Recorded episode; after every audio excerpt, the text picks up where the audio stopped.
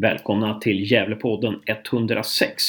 Vad innehåller 106-arna? Jo, det innehåller två intervjuer. Först med Thomas Ahlbäck, medlem i Kalmarpanelen i P4, som jämför Kalmar och Gävle. Ahlbäck framför på onsdagskvällen redan att han tycker att om det inte blir Henrik Rydström som är tränare i Kalmar FF så finns det bara en och det är Alexander Axén. Därefter så pratar också Ahlbäck om att Gävle IF behöver inte en ny tränare, man behöver en sportchef. Och han motiverar varför. Därefter så fångar vi Jocke Karlsson, akademiansvarig i Gävle IF. Vi fångar honom medan han åker bil, därav ljudkvaliteten. Men den dåliga ljudkvaliteten uppvägs av ett intressant samtal. Jag frågar Jocke vad innebär det för skillnader för akademin nu när Gävle IF ramlar ner i division 1? Och sen svarar Jocke på ett lite argt mail från en ungdomsspelare i Gävle IF. Hoppas ni ska tycka att podden är trevlig och rolig och innehållsrik. Tycker ni inte det så är det nya insatser nästa vecka. Då kommer 107an. Trevlig lyssning!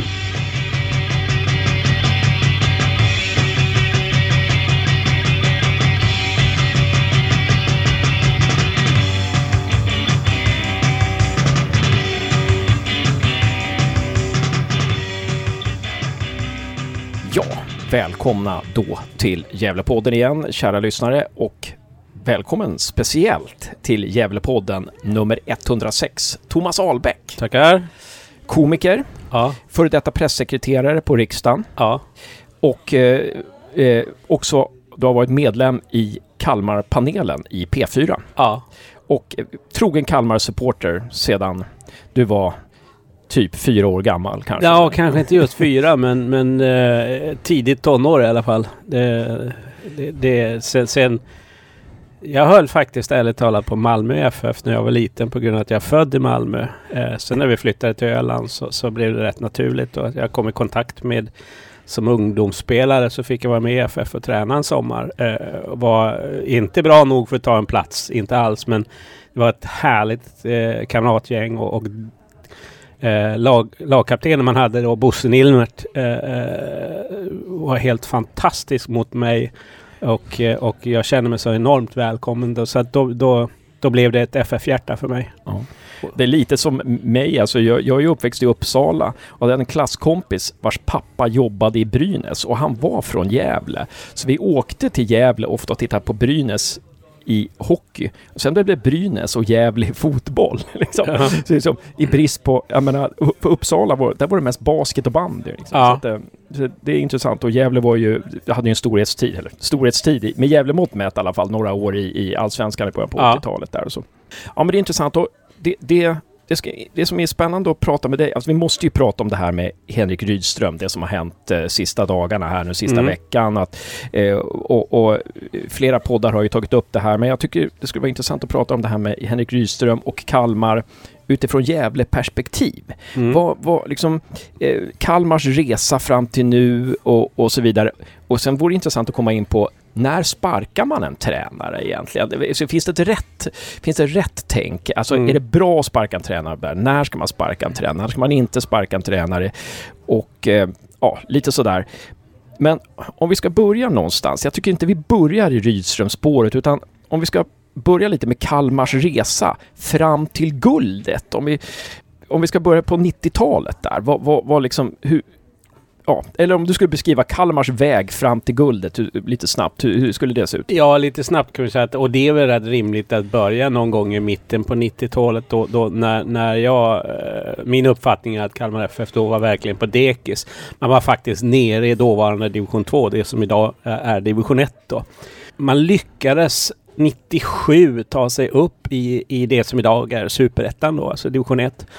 Eh, var på väg ur där igen men, men, men eh, lyckades hänga kvar och gick därefter upp i allsvenskan. Eh, och eh, sen kom Nanne Bergstrand tillbaka och 2003 började man då kanske etablera sig och, och eh, 2007 så vann man Svenska Kuppen 2008 SM-guld. Och det var ju ändå kan man säga så att, så att från bottenläget eh, 97 till om vi säger eh, cupguldet 2007 så var det bara 10 år. 11 år till, till SM-guldet. Mm. Och, och det vill jag väl passa, eh, skicka med som en passning till, till dig och andra, andra Gävle-supporters då att deppa nu inte ihop för att ni åkt ner i division 1 för vi var också där och även om ni inte tar ett SM-guld, för det tror jag föreningar på den här storleken, Gävle IF, Kalmar FF, det är bara att glömma för det blir för mycket pengar nu för tiden. Men möjligheten är uppenbar att, att ni definitivt kan, kan studsa tillbaka i Superettan rätt snabbt mm. och, och inom en rimlig tid ta er upp i Allsvenskan och kanske etablera er. Vad var det som ledde till det här liksom, eh, eh, cupguldet 2007 och SM-guld 2008? Vad var, liksom, var det för strategi? Vad, om du tittar tillbaka, vad var det Kalmar gjorde rätt där? Under de åren? Jag tror det framförallt var att man, man la upp en strategi, en långsiktig strategi under Nanne Bergstrand men även under då det, alltså en av de starkare personerna i Kalmar FF var ju Kjell Nyberg eh, och, och vi hade en ordförande som hette Ronny Nilsson som då väl la grunden egentligen för en organisation som kunde ta den här lilla skitklubben från landet upp på en nivå där de egentligen inte hörde hemma man valde också att se, det var, man öppnade med det här eh, eh, Brasilienspåret som ju Kalmar var så känt för så länge. Man, man hade ju en stark defensiv och, och eh, kryddade den med utländska importer för att få till en bra offensiv. Vi, man hade en spelare som, som, som ju då sällan får cred på den nivå han ska ha. Så, så, alltså, eh, Fabio Augusto, eh, som väl egentligen var den mest etablerade av brassarna som kom. Alltså jag har inga problem med svensk mellanmjölk om jag säger så. Eller mellanrostat kaffe. Men ibland kan det behövas någonting som sticker ut därför att man liksom får en kick och säger att ja men vi, vi, vi är inte sämre än någon annan. Mm. Jag tror att man fick in den tankegången i det hela. Mm. Samma veva kom ju också Rydström. Eh, och det är också en person som man naturligtvis inte ska, ska underskatta. Alltså 25 år i föreningen på olika nivåer. Det, det, det är fantastiskt. Ja, och han var ju lagkapten när ni tog ja, guld ja. 2008. Där. Vad, vad var det Rydström kom med, tror du, som, som spelare och ledargestalter? Alltså käften gick ju jämnt. Jag kan inte, alltså för mig är det lite grann, jag älskar de här gamla brittiska, engelska spelarna, Billy Bremner, Nobby Styles och den typen. Så liksom tar en smäll, ger en smäll, käften går hela tiden och det skaver i hälsenorna på motståndarna. Jag tror inte Rydström är en sämre tekniker än någon annan, men det var inte hans styrka om man säger så. Utan hans styrka var nog framförallt det att, att han var jävligt jobbig för motståndarna att ha att göra med samtidigt som han var fruktansvärt duktig på att lyfta sina lagkamrater när det tog emot. Mm. Vi hade ju så många på den tiden mm. också. Man glömmer ju sådana här som Tobias Karlsson till exempel som hade varit iväg i Molde och kom hem och, och, och spelade. Svante Samuelsson. Liksom, hur många som helst i den generationen som, som ju egentligen borde ha legendstatus. Informella ledare också skulle man mm. kunna säga. Va? Alltså, alltså Eh, Eh, ledarens, eh, tränarens förlängda hand, managerns förlängda hand. För det är lite som när Gävle IF gick ju från division 2 till division 1 och gick ju upp i superettan. Om jag inte helt fel så gick man upp i superettan år 2000 och och sen så kom ju Kenneth Rosén in under två år. Det var han som tog upp dem i Allsvenskan då, mm. 2005. Och, och, och, Kenneth Rosén var ju tydligen en tränare som mer var som en god gubbe som Tommy Söderberg sådär. Men, ja. men i och med att laget var så självspelande va, så, mm. så så ja, eh, funkar det ändå. Va? Mm. De, de här informella ledarna visste vad som gällde. Mattias Oxlin, Daniel Bernhardsson, Mattias ja. Hugosson och så vidare. Och det låter lite som samma sak ja. i Kalmar där. Jo. Och det ja. måste ju vara otroligt viktigt hur man bygger ja. lag. Hur tänkte Kalmar där? Alltså där vill jag nog eh, ändå... Jag menar Henrik Rydström, och in, han är ju inte ensam. Nej. Jens Nilsson assisterande och, och så vidare. Eh, men, men det är Henrik liksom som är den som får liksom hängas ut nu då. Det är ändå så att när Nanne sjukskrev sig så hade FF så många poäng så att det var liksom ingen risk för att åka ur. Vad jag uppfattar att Henrik vill göra det, det är att, att spela in en ny typ av fotboll som då som då ska ge resultat i framtiden. Många unga spelare som han själv känner från, från sin tid inom akademin. Alltså, så det är ju få allsvenska lag som, som, som har en så stor del av startelvan som kommer från den egna akademin. Mm. Alltså, du har, alltså, blir någon skadad så då kommer det fram en ny. Eh, alltså du har Isak Magnusson, du har liksom Herman Hallberg. De, de etablerade nu men så har du Johan Stenmark och du har liksom eh, Hellborg, du kan Fröling, du kan liksom räkna upp hur många mm. till som är yngre än min son. Och han är 37? Ja, precis. Ja, 42 i höst. Ja, nej, men han är, han, han är, han är alltså 21. Ja. Mm. Fyller 22. Mm. Och jag menar det att, att det, det, det glömmer man när man kritiserar Kalmar Mm. FFs resultat. Att, att visst, det var jättetråkigt att se possession-fotboll med sidledspassningar. Men de värvningar som hade gjorts tidigare för att spetsa offensiven, de har inte Henrik Rydström gjort och de har inte Nanne Bergstrand gjort, utan det är vår sportchef Mm. som då har radat upp floppar de senaste åren. Där liksom spelare med, med höga löner som inte ens har tagit en plats i truppen knappt. Va? Liksom det, det, Nej. alltså man kan räkna upp hur, hur många misslyckade forwards. Och det är klart, har du inga forwards då är det jättesvårt att göra mål. Ja. Det är lite Mats Green-syndromet i Göteborg. Alltså Ja. värva, värva, värva. Men, Ja. ja. Och de värvningar som varit rätt har varit dyra och inte Ja. betingat några försäljningspengar heller. Nej, Så Att, det, det, men, men det är ju intressant det här. Så, Nanne var ju, hade ju närmast ikonstatus när Mm. guldet kom 2008. Sen var han kvar några säsonger där. Tror du att, lite som Pelle Olsson där, att Nanne blev för stor för klubb? Där, Ja, det kan, det kan nog ligga mycket i det. Fotbollsmässigt är det ju inte jämförbart. Men, men jag tror att just det statusen eh, och det som hände för Gävle när Pelle försvann är ju liknande det som hände när Kalmar. Att det blir den här Oj, vad gör vi nu? Hur fyller vi Ja. det här Ja, vakuumet? precis. för det har blivit ett vakuum och det är på gott och ont att en person blir så stark. Mm. Därför att när de väl slutar så blir det... eh, så då blir det eh, Ja. ett stort vakuum som ska fyllas. Så har man då inte någon som kan gå in och fylla det så, så är, Ja. det, då är det problem. För efter Nanne kom väl Hasse Eklund va? Ja, Och sen så kom eh, Peter Svärd. Peter Svärd ja.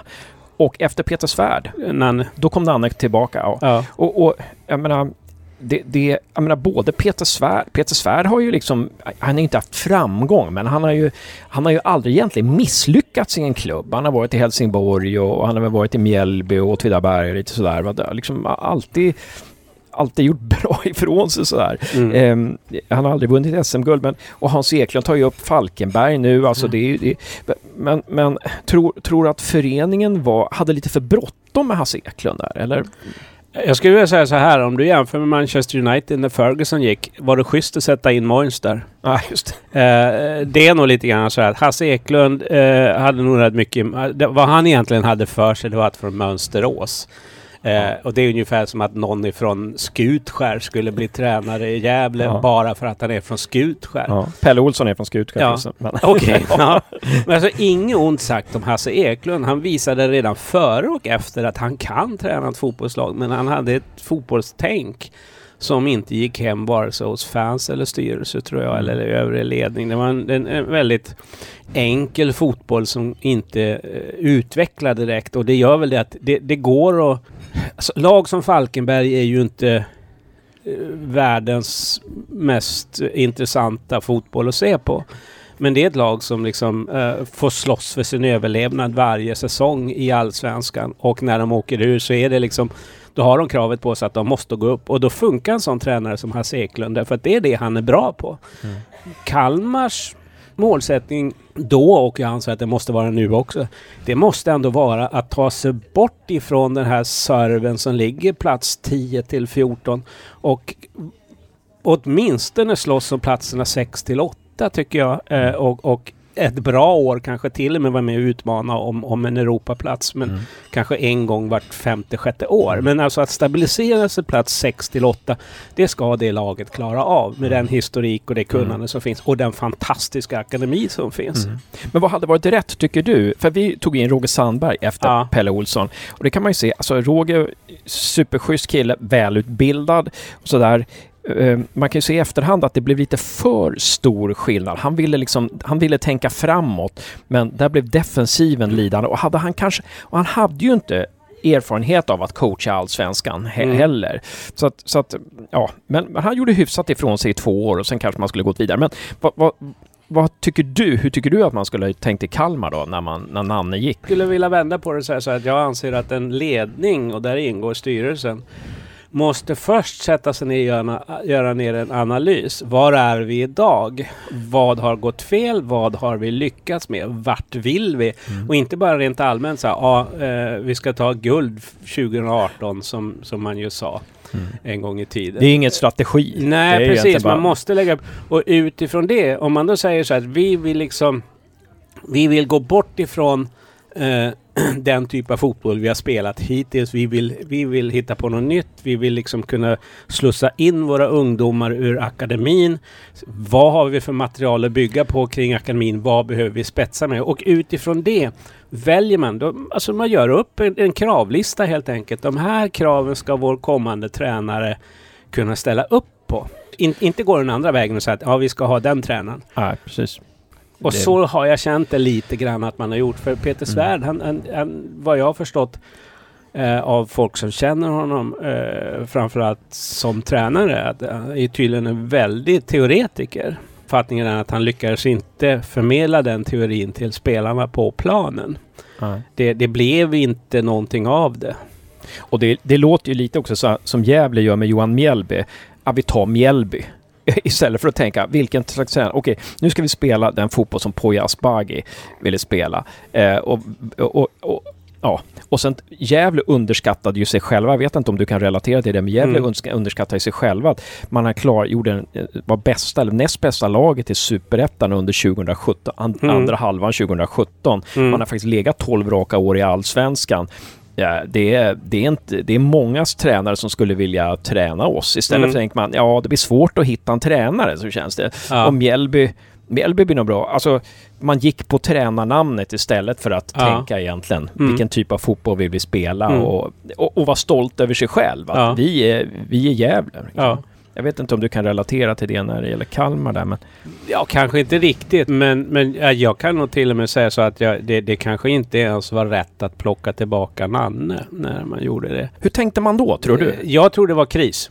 Eh, man var rädd att åka ur allsvenskan för det var, eh, det var ju överhängande. Eh, och han, alltså, Nanne räddade Kalmar FF kvar i allsvenskan. Det ska han ha all cred för. För det, det, det var han som gjorde det med hjälp av övrig tränarstab. Men det tärde väldigt mycket på honom. Eh, det halvåret som när han tog över efter Svärd. När tog han över? Var Ja, det, det var- för 2017 eller? Ja, det, precis. Hösten Så att, eh, han var ju egentligen två halva säsonger eh, Mm. nu.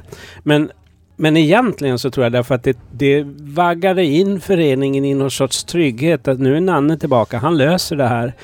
Och grejen är att det, det går liksom inte att förlita sig på en enda person därför att du måste, det måste liksom vara föreningen som bestämmer hur det ska fungera. Och utifrån det delegerar man ut eh, ansvaret till klubbchef, till sportchef, till tränare.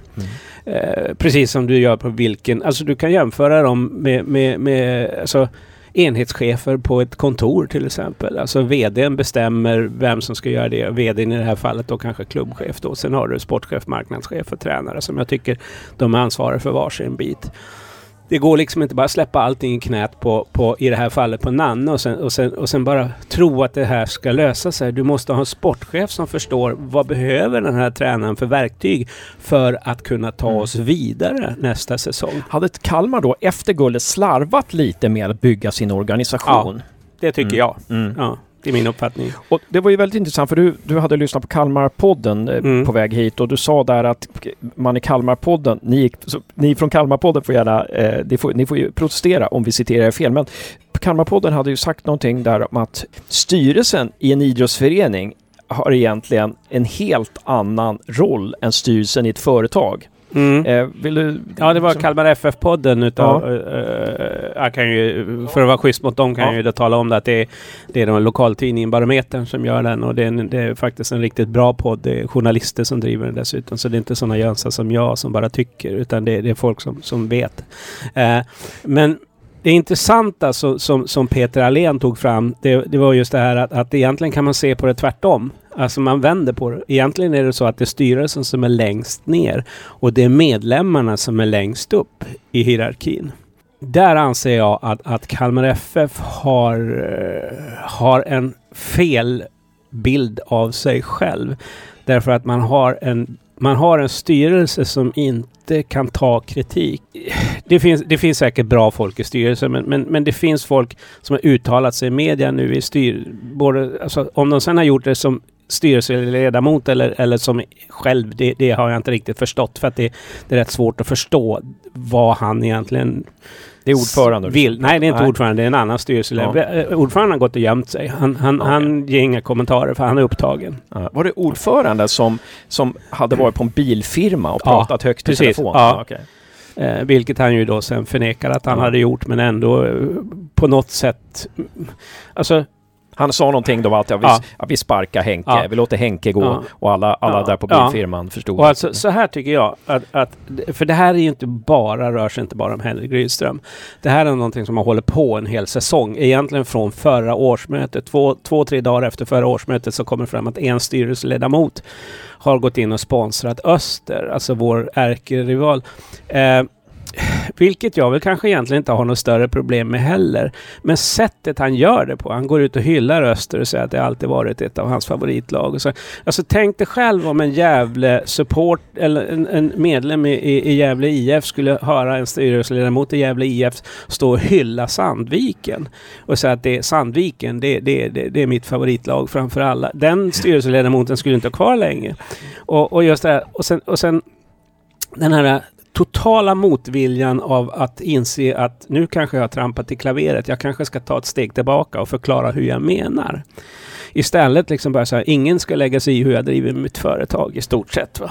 Eh, eh, han sponsrar Hammarby bandy också och sådana saker. Och, och börjar säga, men om jag inte ska spons sponsra Öster ska jag inte få sponsra, vad fan var det, Ölands bowling eller något sånt där eh, exempel drog han fram. Det, det, eh, och, och än en gång, alltså, han får sponsra vad han vill. Mm.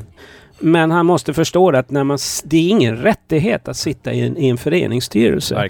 Och när det blir en konflikt mellan det egna företagandets intressen och ens intresse som styrelseledamot i, i, i, i en förening så måste man sätta sig ner och fundera vilket är viktigast för mig? Mm. Och då antingen säga så här, nej men det är så viktigt för mig att sitta kvar i den här styrelsen för jag brinner för det här laget. Då går man ut och gör en avbön. Men gång på gång på gång, det finns så många exempel. Det var Tobias Eriksson som då inte fick förlängt eh, kontrakt efter tio år i föreningen. Tobias Eriksson ifrån Ljusdal. Som jag också har förståelse för. Men man gör det via ett telefonsamtal man kallar inte ens in honom på kansliet och tackar så mycket eller något sånt där för, för tio år sedan. Utan han, han får ett meddelande på telefon att vi kommer inte förlänga med dig. Alltså, behandlar man en trotjänare på det sättet? Så, om styrelsen hade förstått vad de gör mm. redan i april-maj då hade, då hade det inte blivit en namnlista som nu är, är en bra bit över 160 pers.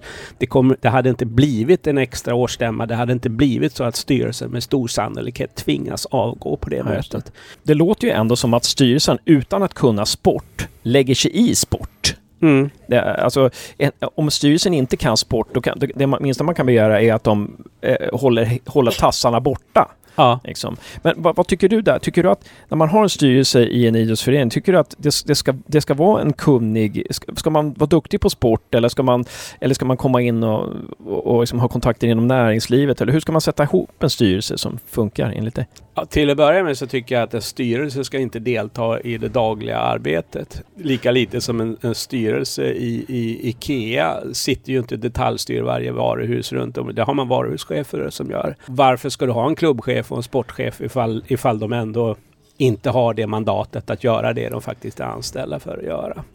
Eh, styrelsen ska dra upp riktlinjerna för hur föreningen ska fungera. De ska jobba med en budget, men sen har man ju faktiskt anställt personal även för marknadsföring och sådana där saker. Var går gränsen? Ska ordföranden även sitta och sälja annonser? Nej, naturligtvis inte. De väljer att göra det de tycker är roligt, men de kanske inte riktigt har rätt kompetens. Bara för att du driver ett företag så behöver du inte vara duktig på den idrott du sitter med i. Men jag anser att en styrelse måste ha en bra blandning mellan för jag tror inte det är bra att det bara är före detta spelare heller. Jag tror det är en bra mix. Precis som en mix av samhället i stort. Bra.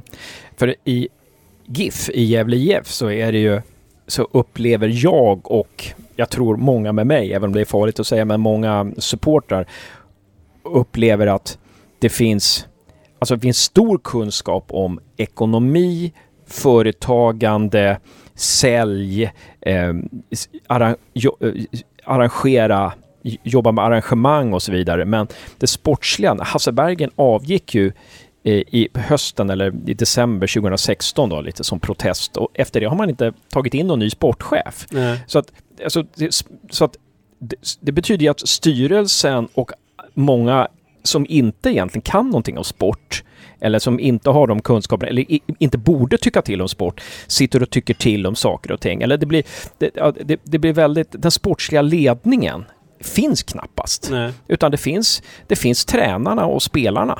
Ja. Så har man tagit in ett, ett, någon slags elitkommitté med, med eh, några gamla spelare och sådär. Men så upplever du inte Kalmar. Eller? Att den sportsliga, den sportsliga kunnandet liksom har, har urholkats där. Eller? Jo, jag tycker nog att det är ganska tydligt att, att den, det, f- den, nuvarande styrelsen besitter inte riktigt den idrottsliga kompetens som tidigare styrelser har gjort, om jag uttrycker mig lite diplomatiskt. Då, då. Framförallt så tycker jag man saknar insikt att man inte har den kunskapen. Mm. Eh, därför att jag, jag, alltså ingen kan kunna allt i hela världen. Så är det bara. Men man måste i så fall vara ödmjuk och medge att Nej, men det här vet inte jag någonting. Och det är ju därför man har en klubbchef och en sportchef. Mm. Det är inte, alltså i min värld så är det inte styrelsen som bestämmer vem ska, som ska träna ett fotbollslag. Nej. Styrelsen bestämmer att det är så här vi Mm. vill att framtiden ska se ut i vår förening. Ja. Varsågod klubbchef och sportchef, eh, plocka fram ett antal namn. Om de då landar i att den tränare vi har idag, den är ypperlig. Mm. Då behöver man ju inte hålla på att byta. Nej. Man, måste, man måste lita på att eh, de som har ansvaret har ett visst ansvar som och eh, uppfyller Ja. liksom, vissa krav där. Så är det på alla arbetsplatser. Mm. Helt rätt, helt rätt. Det är ju så Toyota har jobbat, att Mm. alla avdelningschefer är liksom kungar inom sin avdelning. Ja. Så att man, det är en ganska platt organisation. Om vi kommer in på Rydström, vi ska Ja. in på Rydström och komma in på det här med tränare överhuvudtaget. När spar, sparkar man en tränare? Eh, Ja. vad är en bra tränare? Jag skulle säga att när Rydström kommer in och enligt då Tutto Balutto podden då så är det ju, och den här Football Analytics som, som jobbar med fotbollslabbet eh, på Fotbollskanalen har tagit fram så är det ju så att Rydström bevisligen har gjort bättre res- resultat än Nanne gjorde när han var ansvarig under vårsäsongen. Att Rydström, hans, eh, hans utfall på, alltså hans kvot av expected goals har ökat, vilket gör att eh, Kalmar egentligen har presterat bättre. Därmed inte fått ut så många poäng, men att man har presterat Mm. ganska bra. Eh, så vad var det Rydström gjorde? Vad står han för som tränare? Det är ju väldigt tidigt att säga i och med att han Ja. fick ju aldrig någon chans. Om man, om man ska hårdra det hela. Han, han, han hade ju en personlighet som gjorde att delar av styrelsen mådde illa av, av att se. Alltså, de tyckte så illa om... Eh, jag, jag kan ge mig fasen på att om, om, om FF hade vänt och tagit en Europaplats så hade han fått sparken ändå.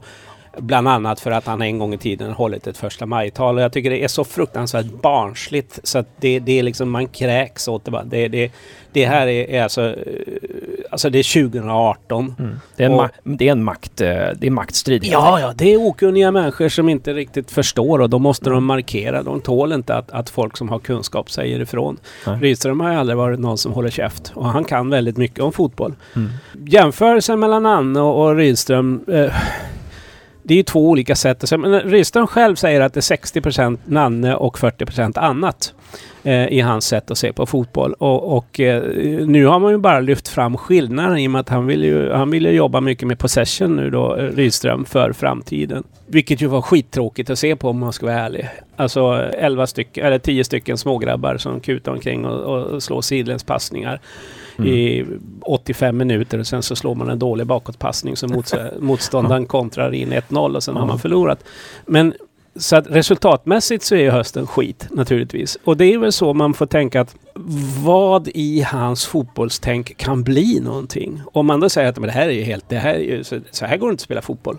Nej, då, då, då, då förstår jag också att man vill byta tränare. Däremot när man lyssnar på spelarna, som ju ändå är de som är uppe i vardagen, som ser, och de tror stenhårt på Rydströms idéer. De tror på honom som tränare. Som du säger, statistiken visar att han är på väg någonstans.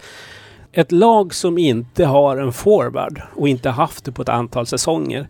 Det ska man inte förvänta sig att de gör en massa mål. Det är där problemet ligger. Både för Nanne sen han tog över och kanske även för Svärd, vad vet jag och för Rydström nu att de har inte haft en, en komplett spelartrupp. De har haft en fruktansvärd massa centrala mittfältare. Men...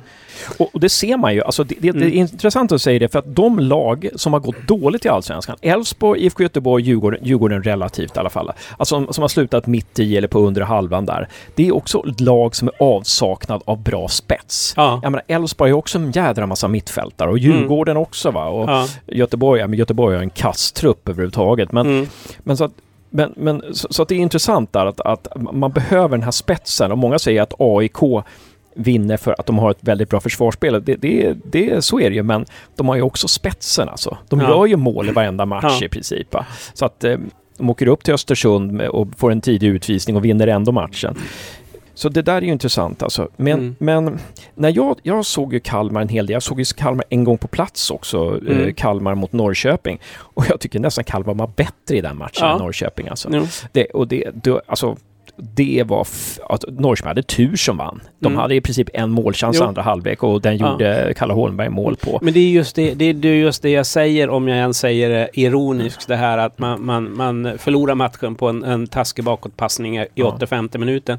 Mm. Men jag kan ju säga att, att hade Rydström fått hålla på nu med de ungdomar vi har och med två, tre klassvärvningar en, en kille som Nils Fröling till exempel, som, som, som alla pratar om Isak Magnusson, han kommer ju bli jättestor. Men Fröling har ju då samma möjligheter liksom att åtminstone bli en, en toppspelare i Allsvenskan. Och du har ju hur många, du har ju liksom jag tror du kan dra hela jävla U21 liksom ja. och, och, bara rabbla namnen så kan du säga att alla de här kommer liksom att, att bli intressanta ja. för andra föreningar. Men de måste ju ha någon som förvaltar de chanser som dyker upp. Mm. Ja, eh, Ni hade Oremo ett tag. Ja. Eh, eh, när han försvann så det, alltså det, Mm. Och det, det, det, var det, det, var ju det som Pelle var så jäkla bra på att ta mm. fram. Många säger så att Pelle spelar defensiv fotboll, men titta på vilka forwards Pelle fick fram. Han fick fram Oremo, han fick fram Javo, han fick fram Orlov, han fick Dahlberg. Dahlberg hade inte gjort mål på två år tror jag, när han mm. kom in och gjorde 11 mål en ja. säsong. Eh, han fick fram Gärnt. Alltså, så ja. det, det är ju därför Gävle klarar sig 12 år idag, för att man hade bra forwards. Ja. Man, måste ha, man måste ha spetsen alltså. Mm. Det går inte att försvara sig till någonting. Mm. Men det tyckte jag att, att, att Rydström var bra på. Han var bra på att organisera laget. Mm. Liksom, man, man, såg att här finns det organisation. Liksom. Mm. Och jag tyckte även han var bra på att organisera anfallsspel. Men som du säger, alltså, att någon måste ju vara där. Ja. Det går ju inte att förlita sig på att vi, om vi får 15 hörner så kommer Viktor Elm eh, att knoppa in ett mål till slut. Nej, precis. Nej. Det går ju inte. Liksom, eh, eller att Rasmus Elm får en jävligt bra volleyträff utanför straffområdet. Nej, precis. Så att, eh, mm. det, det, är lite så. Men då kan man fråga sig då, kan man inte förstå styrelsen? Då kommer vi in på det här sparka tränare. Alltså, det är ju här att jag tänker på parallellen här med Jens Gustafsson i mm. Halmstad som gjorde en sån jäkla bra höstsäsong med mm. Halmstad och fick många spelare att lyfta. Mm. Eh, och sen få sparken av Halmstad för de skulle ta in Jan Jönsson, heter han va? Mm, ja, Gamle, ja. Och ja. Han har kontakter tänkte de, då får vi in ja. spelare liksom. Mm. Och sen visar det sig att Jens Gustafsson är ett fotbollsgeni. Liksom. Han blir värvad av AIK direkt och Halmstad åker ur. Mm. Eh, men tror att det kan vara lite samma sak det här, att Rydström går till en annan klubb Ja, alltså jag, det skulle förvåna mig om inte Rydström får, får ett tränatuppdrag någonstans, minst på superettanivå. Mm. Och jag ska också vara ärlig och, och säga det att, att jag är inte hundra procent säker på att Henrik Rydström hade varit rätt person för nästa säsong heller. Men jag tycker definitivt att han var en av dem som åtminstone... För man ska vara klart för sig att han har ju egentligen inte fått sparken. Nej. Utan det är så att man har inte förlängt hans kontrakt.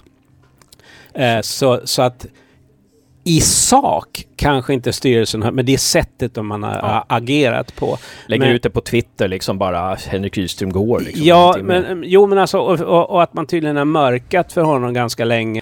Och nu, nu bollas då sådana här namn som jag tycker är, är, är fullständigt idiotiska. Till exempel? Ja men vad heter han? Sami Hyppie till exempel, gamla spelaren. Han är säkert en jättebra tränare även om han alltid har fått sparken. uh, nu är han tränare i någon akademi i Finland och sånt där.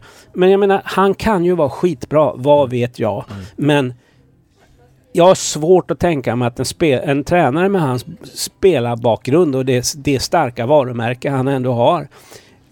Om han nu lyckas få resultat med Kalmar FF, inte stannar han kvar och har någon långsiktighet. Då drar ju han ner till Bundesliga eller någonstans igen Exakt. och så står de där. Den lista som har lagts fram, där finns till exempel Magnus Persson, där finns Haglund. Oavsett vad man tycker om dem som tränare, så det är samma sak. Det är etablerade... Varför ska de Mm. offra tid på att försöka lyfta ett, bot, alltså ett lag från som år efter år liksom eh, eh, klarar sig strax över kvalgräns och de liksom har inte någon jättebudget, de kan ju inte investera i nya spelare heller. Utan de får dras runt med det här och försöka bygga upp någonting. Varför ska de offra sitt varumärke för det? Va? Mm. Jag tror ärligt talat den lista man har dragit på nu eftersom Henrik Nyström nu inte längre är aktuell och jag tror att vid årsskiftet så kommer han ha ett nytt jobb om han vill ha det. Ja. Eh, Den enda jag kan se på den listan, och nu får jag många FF-fans emot mig, men det står jag för, det är Alexander Axén. Men, men- sen så har man, det är intressant det här bara som när du säger att det här med spelarna, men hur mycket ska man gå på spelarna? För spelarna är ju liksom, Mm. de spelare som har kontrakt är ju oftast väldigt diplomatiska. Liksom att, att säger att jo, men han var en bra tränare, men det blir säkert bra med någon annan. Så här. Men, men det är klart, man kanske ska lyssna lite mer på Rasmus Elm. När Rasmus Elm blir skitförbannad, då kanske det ligger någonting i att FF, precis som många andra föreningar på den storleksordningen, är beroende av att kunna sälja spelare för 8-9 miljoner per år. Och då krävs det att du har en tränare som kan utveckla de ungdomar som du slussar in i, i, i, i A-truppen. Där tror jag Axén skulle kunna lyckas bra med det. Eh, och jag tror också varför jag pratar mycket om, om Axén, det tror jag att han skulle inte ha, han, han skulle klara av att ha en diskussion, om vi använder det ordet, med, med eh, styrelsen om, om eh, fotbollsupplägg. Ja. Men sen finns det ju också, man kan ju också gå det här som, som till exempel Brage tar in en U19-tränare, ungdomstränare från eh, Hammarby, eh, Kleber Sarenpää, som gör jättesuccé i Brage. Mm. Ja. De var ju ett tag, alltså hade hängt på Ja. kvalplatsen där. Första året i, i ehm, på länge i Superettan. Va? Ja. Eh, vad tror du om den vägen, att gå, gå där? Men det, det, det kanske är en stor chansning där. Att, Nej, alltså, alltså just, just i hans fall så är det, det är ju faktiskt, jag tror inte man ska lura sig mot att han kommer från ungdomsleden för det är ju en spelare som har liksom, han, han har ju, det är en tränare som har en enormt stor erfarenhet som fotbollstränare, på, eller fotbollsspelare på väldigt hög nivå. Han kan fotboll. Eh, och eh, vad det sen står liksom i, i, i utbildningsbeviset tycker jag är ointressant. Men hur får man reda på ve- vem, vilket, när man anställer en tränare, hur får man reda på att den här tränaren är bra liksom? Det ska man ju veta innan man Ja. anställer dem. Ja. Och det är därför du har en sportchef. Mm. Alltså det, jag tycker att det ligger lika mycket i sportchef. Sportchefen har lika stort ansvar för att hitta rätt tränare som att hitta rätt spelare. Ja. Eh, har, om sportchefen inte befitt, be, besitter den, den, den eh, kunskapen då, då tycker jag att, att det kanske är viktigare att byta ut sportchefen än tränaren. För då är det uppenbart att du har en sportchef som inte har rätt kompetens. Nej, så, så att liksom, i, i Gävles fall då när vi har haft Mjällby och Mackan Bengtsson, två tränare som tas in här nu och med den här truppen liksom kommer Mm. näst sist i Superettan.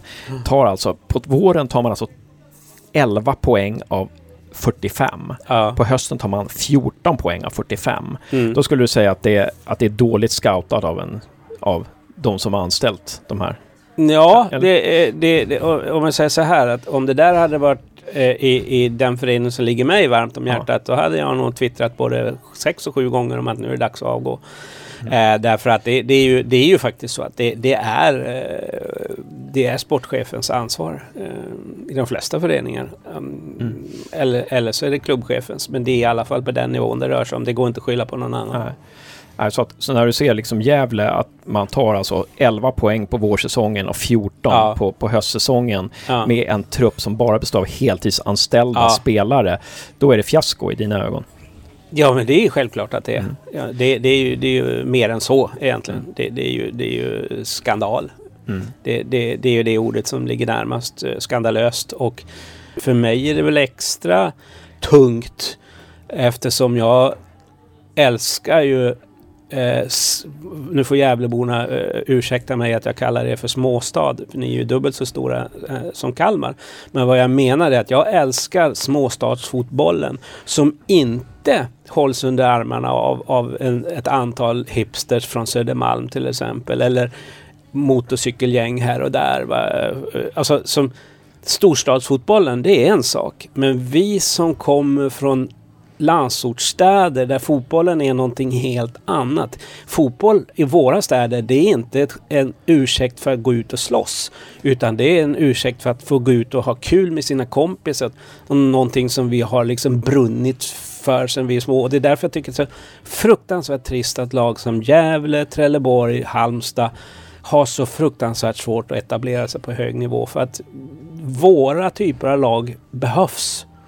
Det får inte bara bli geschäft. Det Nej. måste finnas skäl också. Kan Elfsborg så kan vi. Ja, definitivt. Det- Ja. Slutligen då, fortsätter det här med tränarspåret då. Alltså, vad, när, liksom, när är det rätt att sparka en tränare? Kan man säga liksom, om vi ska gå till historien så här, några tränar Alltså, några tränare som har fått gå som, där, där det har gett resultat. Jag menar, man tänker sig landslaget när Hamren går och Jan Andersson kommer in. Där ser man ju att Jan Andersson kan ju mer fotboll än Hamren. Och det, Mm. det behöver man ju... det märker man ju bara på presskonferenserna, Ja. liksom, att han kan mer. Liksom. Ja. Men, men, men ehm, ja, vad, vad säger du? När, när kan man, som generellt sett, alltså när bör varningsklockor ringa? När ska en tränare få gå? Så här, vad, vad, Mm. Alltså min uppfattning är ju det att, att eh, ledarskapet i en förening är ett kollektiv. Det är orättvist mot tränaren att hänga ut tränaren enbart därför att det är så många komponenter som gör att jag, jag har eh, till exempel eh, Jonas Hansson eh, eh, som skriver mycket om Kalmar FF eh, på Fotbollskanalen. Han har räknat upp ett antal värvningar som, som vår nuvarande sportchef har gjort. Forwards kan jag säga. Måns Söderqvist som kom tillbaka från Hammarby efter att han misslyckats där. Eh, Henri Agnier eh, som ju inte gjorde mycket väsen av sig. Filip Hellqvist som värvades in i den här panikgrejen för att överhuvudtaget hänga kvar. Han, han, han gör ju ingenting nu heller där han är va. Pärlan, alltså Per Eriksson. Melvin Platje som väl ingen egentligen vet vare sig före eller efter vad han egentligen håller på med. Lomala Abdu, en liten lovande kille som aldrig kommer bli annat än lovande heller. Och, eh, och, och Mukhtar Ahmed. Eh, alltså, och, och, och sen värmer man tillbaka Cesar Santin då, eh, som ju egentligen också borde ha lagt av med Ja. sin fotboll innan. Det är ju inte tränarna, det är ju Nej. inte Hasse Eklund, det är ju inte Peter Svärd, det är ju inte Nanne Bergstrand, det är inte Henrik Rydström som har värvat de här spelarna. Det är Nej. sportchefen. Mm. Nu säger inte jag att sportchefen ska avgå, men jag anser att sportchefen har ett minst lika stort ansvar för lagets resultat som tränaren. Så att Där skulle man kunna säga... Skälet till ja, att sparka tränare ser jag skulle vara sociala skäl. Om han, man brukar säga Mm. att man har omklädningsrummet emot sig. Ja, men då, då, då måste man ju kanske komma fram till att nej, men det, här, det här funkar liksom inte. Eh, det, det blir ju också en arbetsmiljöfråga om, Ja. om, vi, om vi ser det så. Så egentligen skulle man kunna säga att Gävle som inte haft en sportchef utan där sportchefsrollen har legat på tränaren. Då, Mm. eh, att det har varit en jäkla otacksam roll för tränaren. För vi har ju gjort nyförvärv. Vi värvade ju tre spelare. Nathan Sansara som visade sig vara en större risk. Han har blivit utvisad två gånger och orsakat flera straffar. Större risk än, än, en, än en trygg liksom, ledare i backlinjen. Ja. Eh, väldigt trevlig person. Men, och man värvar Erik Törnros som knappt har startat, som har startat några, fåtal matcher, gjort ett mål på, Mm. på hela säsongen. Fitim Kastrati tar man in från Norge. Jag tror han har startat noll matcher på hela säsongen. Ja. Alltså, där kan man ju kanske säga att vi har haft brist. Vi har inte haft någon sportchef. Det, tränarna Nej. har för mycket att göra och tränarna Ja. har inte kunnat scouta tillräckligt. Och, att, Och det är klart att när en förening är i den sportsliga krisen som Gävle har varit egentligen eh, sen, sen förra året ju, eh, kanske ännu längre tillbaka, men den har blivit akut då i alla fall. Eh, så är det väl orimligt att, att lägga så många arbetsuppgifter uppgifter just på tränaren. Tränaren måste ju kunna få fokusera just på det en tränare ska göra. Har du inte byggt upp en organisation eh, kring den fotbollsmässiga verksamheten så kan du inte skylla på en person. Eh, så, så, så, sen tar jag inte ställning till Johan Mjällby eller någon. Jag, jag kanske inte tycker det är världens bästa tränare om jag säger så. Men jag tycker inte det är schysst att överhuvudtaget vilken förening det än är. När du har en organisation med stora hål så kan du inte skylla på en person Nej. utan då så måste du skylla på styrelsen. Jag skulle säga att Marcus Bengtsson som är huvudtränare nu, så, så länge inte han har omklädningsrummet emot sig så tycker jag att då är det snarare bråttom att skaffa hit, dit en sportchef. Ja, det tycker jag. Det är det som är ja. lösningen. Liksom. Så, som, någon som han kan bolla med. Men så här, eh, om, om, om, om du har ett om du har ett bord eh, med bara tre ben så kommer du att vicka oavsett hur starka de andra tre benen är. För du behöver det fjärde. Just det. Ja. Och ett av de där benen ser jag som Gävlepodden. Nej, vad ja, precis. det, är det som fördelen med metafor. Man kan läsa ja. in sig själv. Liksom. Ja. Nej, men bra suveränt Thomas Ahlbäck att prata med dig. Nu har vi avhandlat eh, Kalmars väg fram, vi har avhandlat Nanne, Rydström, Gävle lite versus eh, Kalmar FF och, och, när ska man sparka en tränare och eh, det kanske inte tränarens, ja, det, det, det, det, är mer komplicerat än så kan vi säga att mm. vi har kommit in på. Men ja, Gävle behöver vi inte, alltså, du är inte så insatt i Gävle kanske så vi kan prata om Gävles framtid sådär men, men eh, ändå, vad, vad ja. tror du blir viktigt? Vi åker ner i division 1 nu. Vad, mm. vad, är det viktigast för att ta sig upp igen i seriesystemet? Ett, bygg en stark organisation. Eh, alltså, studsar ni tillbaka i Superettan nästa säsong, jättebra. Gör ni inte det så är det ändå viktigt. För jag tror för Gävle så är det... Alltså fördelen när Kalmar åkte ur det är att vi har egentligen inga konkurrenter. Vi hade Öster, men det är ändå 11 mil. Ni har nästgårds här, här, om man ska reta upp då Sandviken-folket, så, så här, ni, ni har ett, ett lag från en av era förorter eh, i, i, i samma division. Så för er är det också viktigt att hålla kvar det här att det är ni som är etta i regionen. Och då krävs en stark organisation som faktiskt inte bara säger så utan visar det genom sitt sätt att agera. Sen tror jag det är viktigt att, för annars kommer de lovande spelarna i regionen inte att gå till Gävle.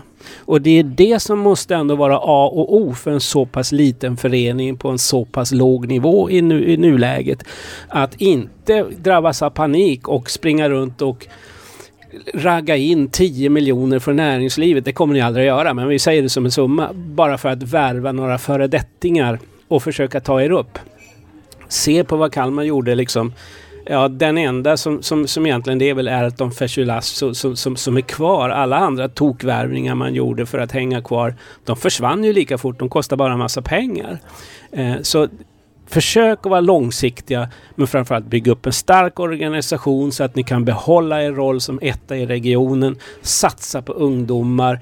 Se till att spela in folk ifrån er egen akademi, alltså från er egen ungdomsverksamhet. För jag menar division, i division 1 så, så, så är det inga problem att matcha in lovande 17-åringar. Det, det, har man en bra ungdomsverksamhet så klarar man av det. för att övrig nivå i den, det är inte imponerande. Ja. Stort tack Thomas Ahlbäck för mm, att tack. du ställde upp i Gävlepodden. Stort tack för att kul att sitta här på Waynes Coffee på Drottninggatan 4 där alla Gävlemedlemmar har 20 rabatt också ska jag säga. Bara det? Kul. Ja, bara det. -huh. eh, och lycka till med ditt nya jobb som pressekreterare i Malmö stad. Ja, tack.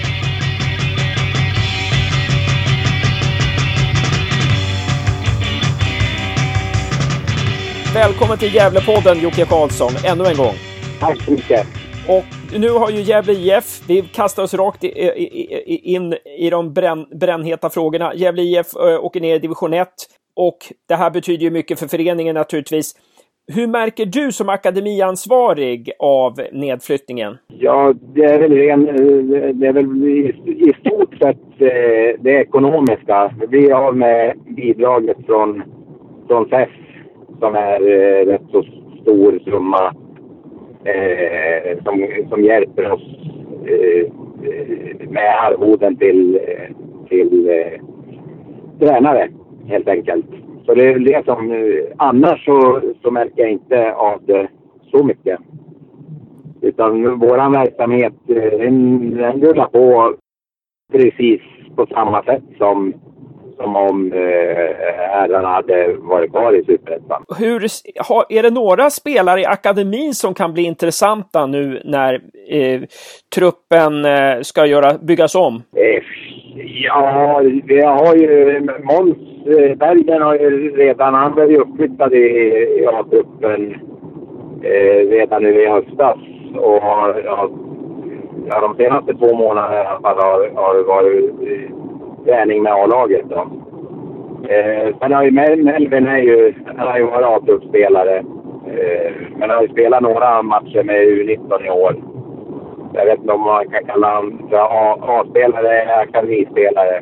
Sen finns det väl alltid ett par namn eh, till tror jag som, som kommer att tillföra, tillhöra truppen i alla fall. Och då vet man ju inte vilken utveckling det kan få. Men, men de namnen, det, det, det är ju Marcus som bestämmer vilka, vilka som eh, kommer att, att bli uppflyttade. Men det finns några intressanta personer i alla fall. Tror att, liksom, om, vi hade om, om vi hade stannat kvar i Superettan, eh, tror att, eller tror att det är större chans nu att eh, spelare från akademin får speltid nu när vi åker ner i division 1? Ja, det, det är det ju. Eh, sam, samtidigt så, så är ju vi i Gävle IF i en, i en eh, utvecklingsfas. hade ju redan eh, innan eh, sportsliga resultat börja diskuteras. Hur, hur, hur kan vi få fram, utbilda och utveckla spelare ifrån akademin som, som når ända till seniorlaget? Och hur, hur kan A-laget ta emot eh, våra egna spelare på, på ett bättre sätt också. Den diskussionen har vi ju fört sedan i maj i år. Så någon form av riktningsförändring hade det blivit i vilket fall som helst. Eh, men det är klart att det, nu med ekonomiska situationen och eh, eh, divisiontillhörigheten så, så ökar ju möjligheterna för för våra yngre att få möjlighet att spela seniorfotboll. Just det. Vet du någonting om, eh, man kan väl betrakta Frodig som en, som en egen produkt och eh, Gussman, eh, Louis Kangas eh, och så vidare. Frodigs kontrakt går ju ut och sådär, men, men de som har kontrakt, Louis Kangas och Gussman till exempel, de borde ju ta för sig ännu mer nu när, det, när, de, när de går ner i klass så att säga, när de går ner i division 1, att de, de skulle kunna bli nyckelspelare där för oss där. Ja, absolut. Eh, sen är, det ju eh, så att du, du behöver ju erfarenheter och, och, och, och kunna ta, ta den, axla den rollen. Men det är ju klart att får du förtroende så, så eh, av de spelare du räknar upp så låter det inte helt osannolikt att, att de kan vara ledande spelare. För, förtroende det är det kan göra otroligt mycket med oss människor. Det, det, det är väl bara att titta på, på landslaget där med Victor Lindelöf Nilsson. Eh, förtroende landslaget och hans prestation där kontra i United utan annan jämförelse med våra spelare. Ja, precis. Så liksom, just där, vi tror på dig, då, då växer jag. Så det är klart att har vi den inställningen och får de den, det förtroende av eh, när de spelar nästa år så, så har ju både Samuel och, och Albin och Viktor och Melvin eh, stora möjligheter att, att bli de spelare som vi önskar att de, de ska bli. Nu har vi ju släppt några spelare från vår egen akademi. Vi har släppt Chucho och vi har släppt Adrian, eh, Bjelkendar Haranen, Jakob Hjälte till Sandviken och sånt där. Tror du det finns någon möjlighet att klubben tar tillbaka några av de här som är fostrade i egen akademi och som har gått till andra föreningar? Ja, jag har, jag har faktiskt ingen, eh, jag har noll insikt i det. Men det är ju, eh, ja, jag hoppas ju. Sen, sen om det blir i år eller om det blir nästa år, det, men det är lite så vi behöver jobba. Att vi, vi kan inte enbart tro att spelare utvecklas att de spelar U16, U17, U19 och sen går de direkt i A-laget. Utan vissa behöver få eh, återigen det här förtroendet i en annan miljö. Exempelvis i Hudiksvall. Där man får spela varenda match och man blir en, en nyckelfigur i, i det laget. Det är klart att man växer och sen kan man komma tillbaks och vara en ännu bättre spelare. Men det är fortfarande en, en spelare som vi har fostrat. Så eh, om någon kommer, om vi säger Adrian skulle, om han inte kommer tillbaka i år så, så hoppas jag att eh, han är, är i den, en miljö där han utvecklas och, och sen att Kävle IF kan ha nytta av honom senare. Likväl som han skulle kunna komma tillbaka nu. Men det, det har jag ingen aning om. Nej. Eh, nej. Rekryteringen då till eh, U19, U17, akademin överhuvudtaget. Eh, hur går den om du jämför eh, jämför rekryteringen med eh, inför förra året och, och nu, hur, hur, hur, eh, är det någon skillnad?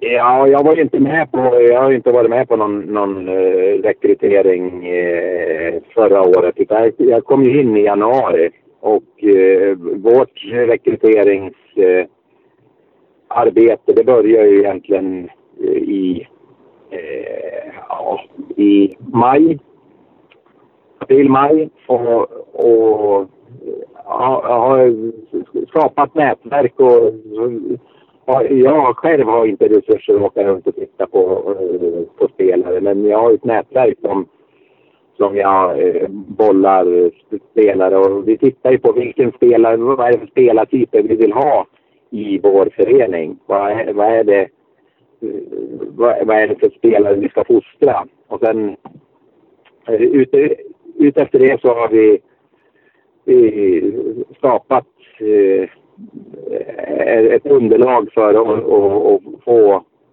få spela till oss till nu till 16 för är, de är ju födda 03 då. Och jag är jättenöjd med, med den rekrytering som vi har, gjort. Jag ser väldigt, väldigt mycket fram emot att se den utvecklingen på, på eller på alla i akademin, men just den här gruppen, eh, eftersom det är första året som jag har varit med och rekryterat. Så, så känns det lite speciellt också. Och nu spelar ju U19 i allsvenskan då. Eh, eh, U19 allsvenskan va. Och eh, i, vad, vad innebär det för rekrytering? Blir, gör, gör att det blir lättare att rekrytera och måste ni rekrytera på något annat sätt? Behöver ni ett starkare lag? Och, hur tänker ni där? Ah, I U19 så, så rekryterar vi inte speciellt mycket. Utan är de så pass bra när de är 18-19 år, då, de, då blir de ju värvade till A-truppen. Eh, annars så, så, jobbar vi med befintlig, eh, befintliga spelare. Men vi har ju kravnivån. Och det är ju det, det som, som, som kommer att gynna både föreningen och eh, individen och laget. Att om vi höjer kravbilden på vad vi kräver av våra spelare, då, då, då kommer de att bli bättre. Och sen är det ju några som kommer och, och som inte kanske orkar med kravet eller uh, känner att de har matchat det här och jag orkar prestera. Som kommer att falla av av naturliga skäl. Så eh, det, blir, det kan ju bli en tuffare, eh, jag kan inte säga utslagning, men en, en tuffare eh, uttagning till, till matcher och, och, och, och för det blir inte tuffare matchmiljö helt enkelt. Du, nu kom du in på det, för det där är också intressant. Hur jobbar ni med det? Alltså, för en del spelare när de går från Alltså när de går uppåt och blir äldre och äldre så alla flyttas ju inte upp. Eh, hur, hur resonerar ni där och hur, hur de, som in, de som inte flyttas upp, hjälper ni dem till andra lag och hur, hur fungerar sånt där? Eh, ja, vi, vi har ju en, en policy. Dels så, de som är i truppen, de har vi ett ansvar för att utveckla under årets gång. Alltså det, är, det är tränarens uppgift att se till. Man kan inte klaga på vilket dåligt material det är, utan då, då gör ju tränaren ett dåligt jobb. Eh, sen, sen har vi olika utveckling. Det är unga. Det är omöjligt att säga vilka som blir bra eller inte blir, blir bra. Utan vi, vi, vi bedömer liksom i, i nutid.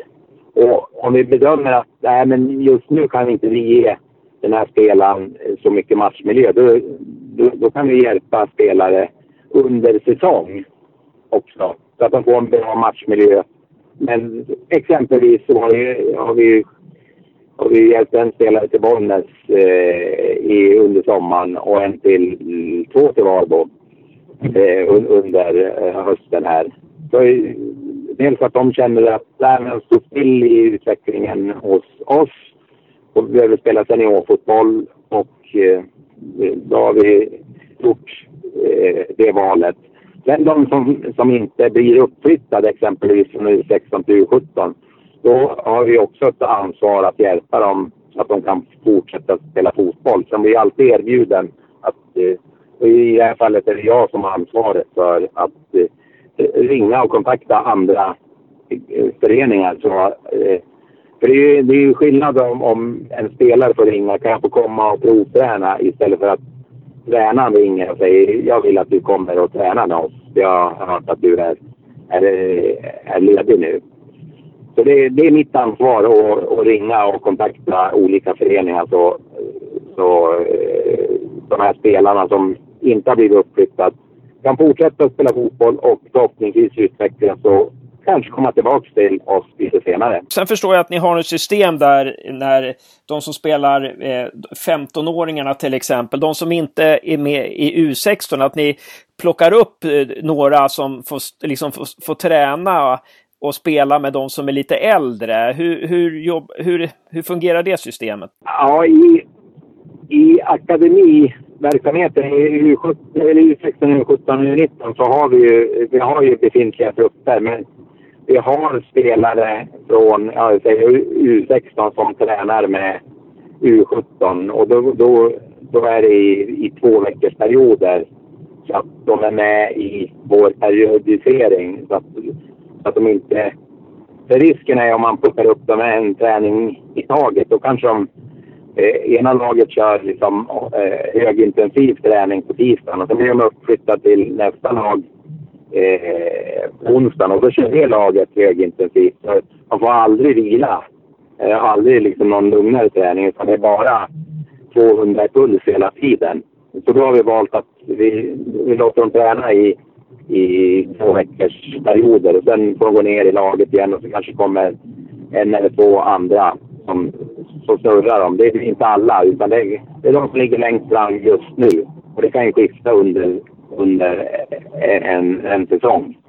Men sen behöver, vi bli, sen behöver vi bli bättre på att lyfta upp spelare som inte kommer upp i akademi, den åldern. Att redan nu låta... Nu blir det 04 som, som vi behöver, som tränar på Sörby. Det behöver vi bli bättre på att, att eh, de får känna på hur det är i, i akademiverksamheten. Så det blir, näst, det blir nästa utmaning för oss, eller för mig. Nu, vi fick ett, det, här, det här var inte anledningen till att jag ringde dig, men jag kom på när vi sitter och snackar här nu så tog jag fram ett mail som vi fick för någon månad sedan. Och om du tycker att det här, om du tänker så här, nej men det här kan jag inte svara på nu, utan det här, det här får jag ta i, ett annan, i en annan podd och det här måste jag fundera på, så får du gärna, får du gärna göra det, för att det, det kom ganska snabbt ja. nu och jag, jag fick idén precis när vi pratade om det här, så jag tog fram mejlet där. Eh, jag ska inte säga vem som har skrivit det, men mejlet går så här. Tja!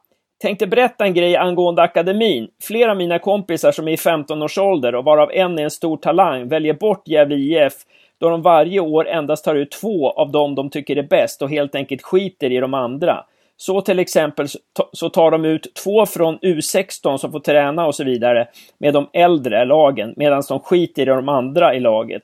Tycker detta är ganska sjukt då vi går miste om stora talanger på grund av akademins arbetssätt. Alltså, känner du igen det och ja, din kommentar? Jag skulle vilja säga den, den personen som har skrivit äger ju givetvis sin, sina åsikter och uppfattningar. Men eh, jag känner inte igen någonting överhuvudtaget. För någonting som vi jobbar väldigt, väldigt mycket med det är ju och, och, och precis som jag inledde och, och, och säga att vi tar ju hand om att om vi ser att spelare inte får matchmiljö, då är det vårt ansvar att se till att de hamnar någon annanstans som får spela fotboll. Det är att bry sig. Vi bryr oss om eh, alla spelare och det, det stämmer inte att vi lyfter upp två spelare utan det är det jag beskrev tidigare. Vi lyfter upp, de får träna kanske som det har varit i år så, så var det två, tre stycken som tränar två veckor och sen var det två, tre stycken. Så vi snurrar på sex ungefär. Och sen har ju det under årets lopp skiftat spelare. Så en del stagnerar lite och en del, när de flyttas upp så, så får de alltid häva sig hela tiden. För de, de orkar inte med eh, att träna i en, en högre miljö eller i en å, årskull högre upp. Eh, så att de stagnerar. Och en del skjuter i höjden och, och ja, pikar riktigt ordentligt. Så det skiftar ju namn. Så tittar man överlag så kanske det är en 8-9 spelare som, från U, U16 som har varit med och tränat med U17 under årets lopp. Och samma sak med, med U17 till U19. Och det var ju eh, hela hösten nu så är det väl tre spelare från U17 som egentligen har tränat med U19 hela, hela säsongen. Och så, så, den beskrivningen, den skulle, den skulle jag vilja säga, den är helt felaktig. Den, den som sagt, eh, eh, om det är en person som jag, jag känner, jag tycker att ni skiter i de övriga, ja det får ju stå det får stå för den personen och den personen får ju jättegärna kontakta mig så får, vi gärna lösa det hela. För, eh, vi, vi har ingen vinning av att skita i spelare. Vi vill ju, vi vill ju få fram så bra spelare som möjligt både till Gävle IF och till utbildade spelare så att de förstärker eh, Valbo, SAIK, eh, Hille och så vidare. Så att vi, vi, det vi kan göra är att uppmana då den personen som skrev mejlet till oss att eh, den personen och hans kompisar tar kontakt med dig helt enkelt så, så, ja, så kommer ni lösa det där. Ja. ja. Vi ska ha synpunkter och, och tankar och, och som sagt vi, vi är långt ifrån framme och är någon perfekt akademi. Men vi jobbar ju för att bli bättre. Vi jobbar för att dels bete oss som vi vill att det, det ska... Så att, så att alla känner, inte bara vi känner att jäklar vad schysst vi be, behandlar folk, utan alla ska känna att man blir behandlad. Oavsett om man får vara kvar eller inte, utan man ska känna den tiden jag var i Gävle IF, den var jävligt bra. Okej, okay, jag räckte inte till. Eh, det är helt okej. Okay. Eller de tyckte, för det är ju fortfarande vi människor, att om de tränare som, som anser att Eh, den här spelaren kan vi inte lyfta upp, eller det finns andra som är bättre. Det, det kanske skulle vara ett annat utslag om det var andra tränare. Så är det ju. Liksom, det är så med uttagning också.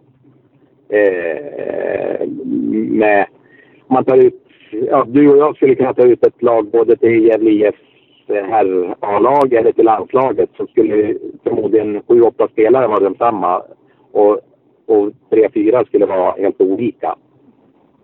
Och, och då är det ju, är du tränare eller förbundskapten, ja då blir det de här spelarna som blir, blir uttagna. Är jag tränare så är det eh, två, tre, fyra spelare andra som blir uttagna. Så är, så är det ju. Ja, det har med tycke och smak och personkemi och sånt där att göra helt enkelt. Ja, och, och, och tanken är ju egentligen att, att om det är så att jävlar, jag fick inte chansen i Gävle IF. Jag, jag tycker att jag är lite bättre än, än några av U17 eller U19-spelarna. Ja, men visa det och träna och, och, och, och, bli bra någon annanstans. Det, det, det vill vi ju. Vi vill ju få fram bra spelare. Eh, en sista fråga då. Vi har, eh, I den här podden så pratar vi också med Thomas eh, Albeck från Kalmarpanelen. Han, faktiskt redan igår så sa han att Alexander Axén skulle vara en bra tränare för Kalmar och nu visar det sig att Alexander Axén håller på att skriva kontrakt med Kalmar. Men han han, han berömmer ju Kalmars akademi väldigt mycket. De får ju fram väldigt många spelare hela tiden. Är det någon akademi som ni har studerat? Nej, inte jag personligen mer än att jag har följt att de, de är ju väldigt skickliga och, och, och få fram uh, unga spelare. De, de, har ju också en kultur där, där de låter unga spelare få chansen. Uh, man behöver inte liksom prestera uh, tipptopp första matchen utan du, du har en kultur där du liksom, våra, vi tror på våra spelare. Så, eh, så det och sen har de bra instruktörer. De har eh, bra kravbild. Det är väl vad jag, vad jag vet. Men jag har inte studerat dem eh, annorlunda eller liksom djupgående. Så att säga. Men absolut är det en, en, en förebild när det gäller att, att få fram spelare. Både kvalitetsmässigt också eh, inställningen på att de litar på de här unga killarna också. Ja, stort tack Jocke Karlsson för att du ställde upp och tog dig tid eh, medan du körde bil här på torsdagskvällen. Grymt att du var med i Gävlepodden 106 och eh, hoppas vi får höras många fler gånger i Gävlepodden. Absolut, det är bara att höra av sig. Så det är roligt att vara med.